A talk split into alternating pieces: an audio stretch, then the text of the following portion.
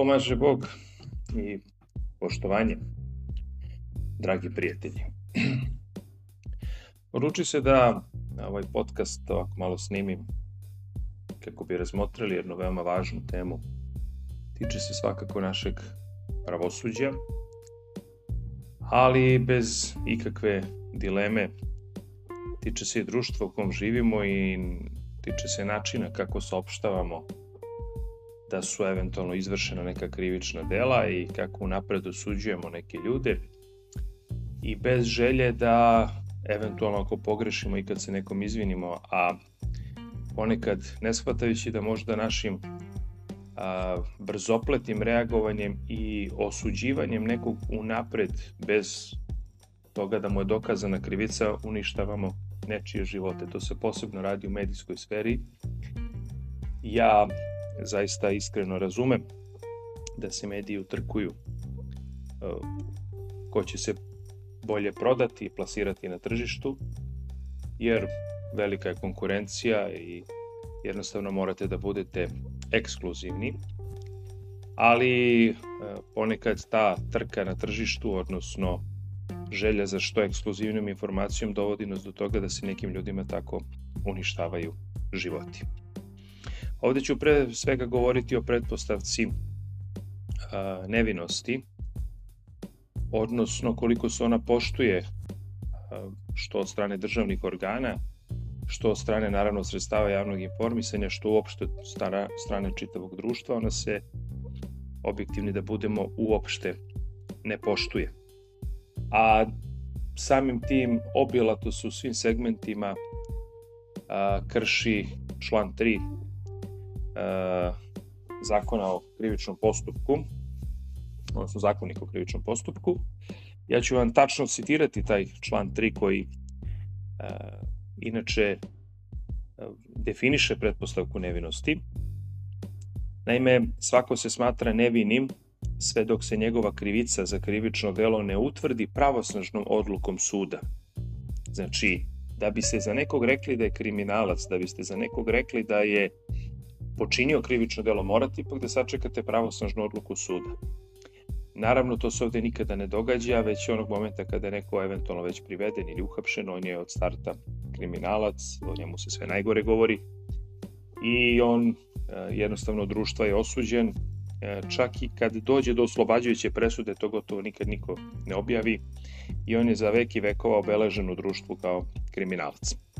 Drugi stav člana 3 Zakonik o krivičnom postupku jasno naglašava da državni i drugi organi i organizacije sredstava, e, sredstva javnog obaveštavanja, udruženja i javne ličnosti dužni su da se pridržavaju pravila iz stava 1 ovog člana i da svojim javnim izjavama o okrivljenom krivičnom delu i postupku ne povređuju prava okrivljenog.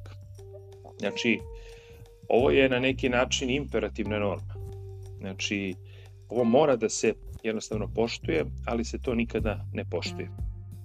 Uzet ću vam primer, naravno mnogi će me sada osuditi, ali ja prosto govorim kao neko ko je advokat, ko je pravnik. Evo imate slučaj Miki Aleksića, a, proti koga je danas podignuta optužnica.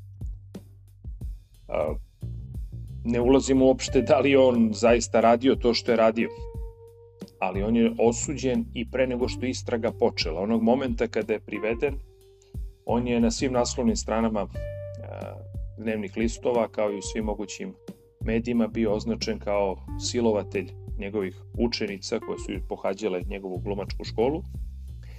I ne postoji gotovo nikakva šansa u toj situaciji da eventualno tužilac postupi drugačije i da eventualno tokom sprovođenja istrage ne podigne optužnicu. Jer da se desilo drugačije, na primjer da tužilac i svih onih činjenica koje ima pred sobom da je možda uvideo da tu nema krivičnog dela i da je saopštio da nema krivičnog dela, onda bi sva moguća povika i pritisak išla prema tužiocu. I na taj način se flagrantno zapravo vrši pritisak na pravosuđe. Ja opet ponavljam, ne ulazim da li je Mika Aleksić zaista kriv ili nije ali u startu je izvršen strahovit pritisak, da nije postojala gotovo nikakva šansa da se neki tužilac drzne i da kaže pa čekajte možda ovde nema krivičnog dela i da eventualno odbaci krivičnu prijavu. takođe nisam siguran da će sam sudija biti u stanju da vodi normalno postupak, jer jednostavno u javnosti stvorena takva slika, takva percepcija da je Mika Aleksić kriv i ne postoji nikakva šansa da bude nešto drugačije. I sam sam svedok u nekim postupcima u kojima učestvujem kao advokat, gde se neretko šokiram izjavama pojedinih političara, da ne govorim naslovnim stranama medija, gde neke ljude koje ja branim, oni su u startu osuđeni i ne postoji nikakva mogućnost da vi vodite neki normalan postupak, niti sudija može da vodi normalan postupak, jer je konstantan medijski pritisak da se ti ljudi optuže, a kasnije i osude, iz prostog razloga zato što to tako neko je poželao i neko hoće. I upravo ovaj podcast e, i snimam da bi ukazuje na taj problem s kojim se realno suočavamo u praksi i svi se advokati s ovim realno suočavaju u praksi, ali uopšte čitavo društvo, da vi imate ljude koji su unapred osuđeni od strane javnosti, da čak i kada dođe do oslobađajuće presude kojim slučajem, oni ne mogu nikada da nadoknade, odnosno ne mogu da izvrše nikako neku sobstvenu rehabilitaciju a, niti mogu da dobiju bilo kakvu satisfakciju tom oslobađajućem presudom, jer oni su svakako za javnost osuđeni i oni su kriminalci. I čak i ako budu oslobođeni, ako se zaista dokaže da nisu izvršili nikako krivično delo, mada uvek e, moramo da kažemo teret dokazivanja na tužilačkoj strani, ali ako se zaista ispostavi da nisu krivi, oni to nigde ne mogu da javnosti saopšte, niti postoji ikakva šansa da javnost prihvati drugačiju tezu do one da su oni kriminalci, da su zlikovci, da su ubice, da su već ne znam šta, silovatelji, jer tako su jednostavno bili označeni. Uzmimo primjer opet Miki Aleksića. Zamislite recimo kojim slučajem da se u sudskom postupku ispostavi da on nije kriv. Ajmo sada da uzmemo tu činjenicu. Ko će u to verovati? Može li taj čovek eventualno da ikada dobije neku satisfakciju? Ne kaže, možda će biti osuđen, možda zaista postoji, a postoje svi mogući dokazi koji ukazuju na to da bi on trebalo da bude osuđen za tako jedno teško krivično delo. A šta ćemo ako bude drugačije? Da li smo se zapitali ili smo došli u tu situaciju da ne sme da bude drugačije? E zato o ovome moramo da govorimo.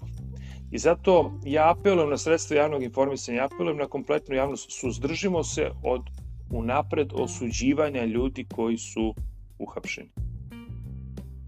Jednostavno, to nije u redu, nije korektno, nije dobro. Zato što time narušavamo a, pre svega osnovni postulat da niko nije kriv dok se to ne dokaže, a samim tim narušavamo i užasno utičemo na nezavisnost samog pravosuđa.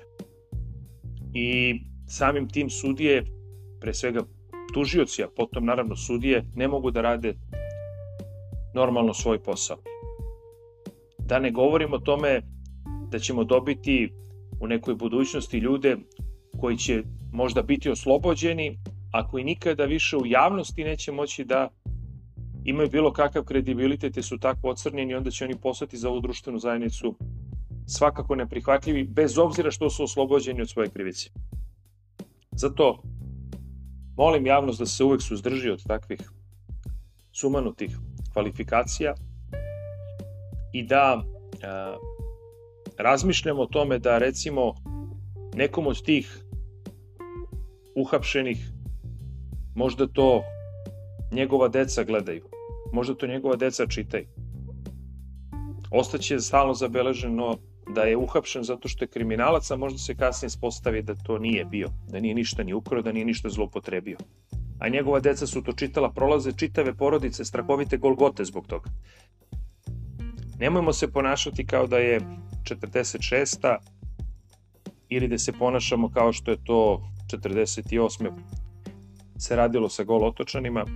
Naravno, svako će uvek osuditi silovanje, svako će uvek osuditi ubice, to nije sporno, ali nemojmo ljude unapred osuđivati i praviti od toga potpuni haos, zato što to nije dobro za društvo.